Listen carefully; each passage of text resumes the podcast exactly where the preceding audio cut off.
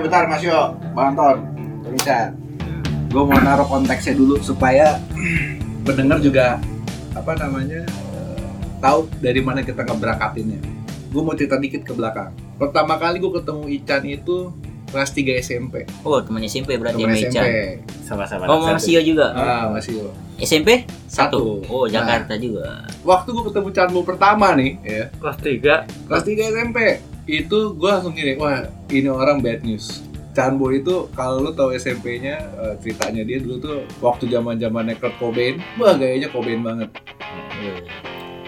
Jangan kopen dulu. pokoknya Chan Cobain.